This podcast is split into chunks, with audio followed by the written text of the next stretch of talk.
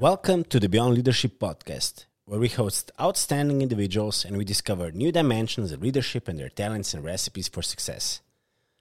This is our 19th audio tip of the week. Here are some fun facts about number 19. 19 is the atomic number for the element potassium. The tarot card number 19 is the sun, associated with happiness, self confidence, and success. The longest non stop flight in the world, scheduled by Singapore Airlines, takes 19 hours from Singapore to Newark, New Jersey.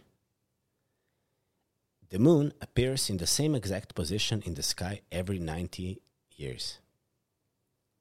When I was 19, I knew I wanted to go study and live abroad, and I went a couple of years later to the States. Today's tip of the week is based on the article Financial Targets Don't Motivate Employees written by McLeod and Lotardo, published in February in 2021 in Harvard Business Review. It's natural for leaders to emphasize the importance of hitting financial targets, but making numbers the centerpiece of your leadership narrative is a costly mistake. Financial results are an outcome, they're not a root driver for employee performance, and a growing body of evidence tells us that overemphasizing financial targets erodes morale, and undermines long term strategy. Leaders seeking to ignite creativity and drive exponential effort must go upstream, using their time with their teams to build belief in the organizational purpose, the intrinsic value of the employees' work, and the impact the teams have on customers and each other. Here are three ways to do that.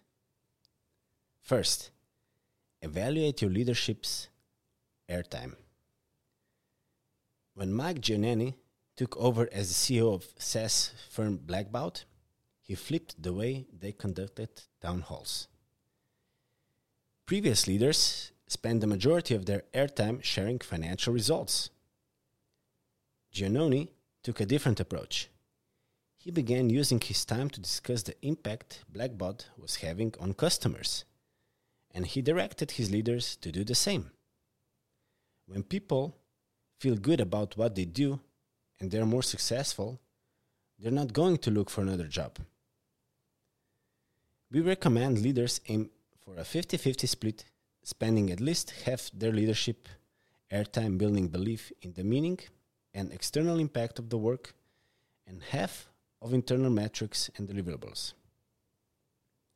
It's not without coincidence that six months after Blackbaud adjusted their leadership airtime, they had an innovation breakthrough. Employee engagement rose dramatically, market share increased, and revenue grew exponentially. Number two, discuss individual customers with emotion and specificity. The more clearly an employee understands their direct impact, the more likely they're to go the extra mile they also experience greater fulfillment in doing so. When we know our work matters to an individual person, we rise to the occasion. Discussing customers in the aggregate does not create the same emotional pull. Instead, when you speak about customers, even if your team does not interact with them directly, use their real names, talk about the business they have, and show your team that real people are counting on them. Number three, resist the pull of the FYI. In our consulting practice, we routinely observe well intended leaders who, in effort to keep their team informed, pass along everything that pertains to financial performance.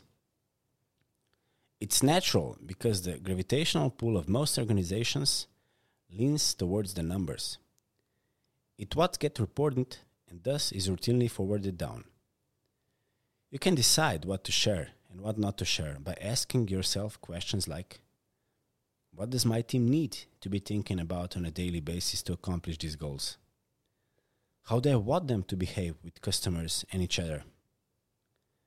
Filter out the noise coming from other places in the organization and focus your language on the top two things that are 100% within the control of your team their mindset and their behavior. As we face a future of potential uncertainty and unrest, It's crucial for leaders to help their teams stay engaged. You can improve your team's performance and their emotional well being by making sure your airtime, your metrics, and your language communicate one simple message Your work matters. How do you communicate with your employees? Do you share financial information? How do you motivate them? This was this week's tip of the week. Make sure to subscribe and follow us on all podcast channels like Spotify, Apple, Google, Castbox, and also follow us on YouTube, LinkedIn, Instagram, and Facebook. Till next time.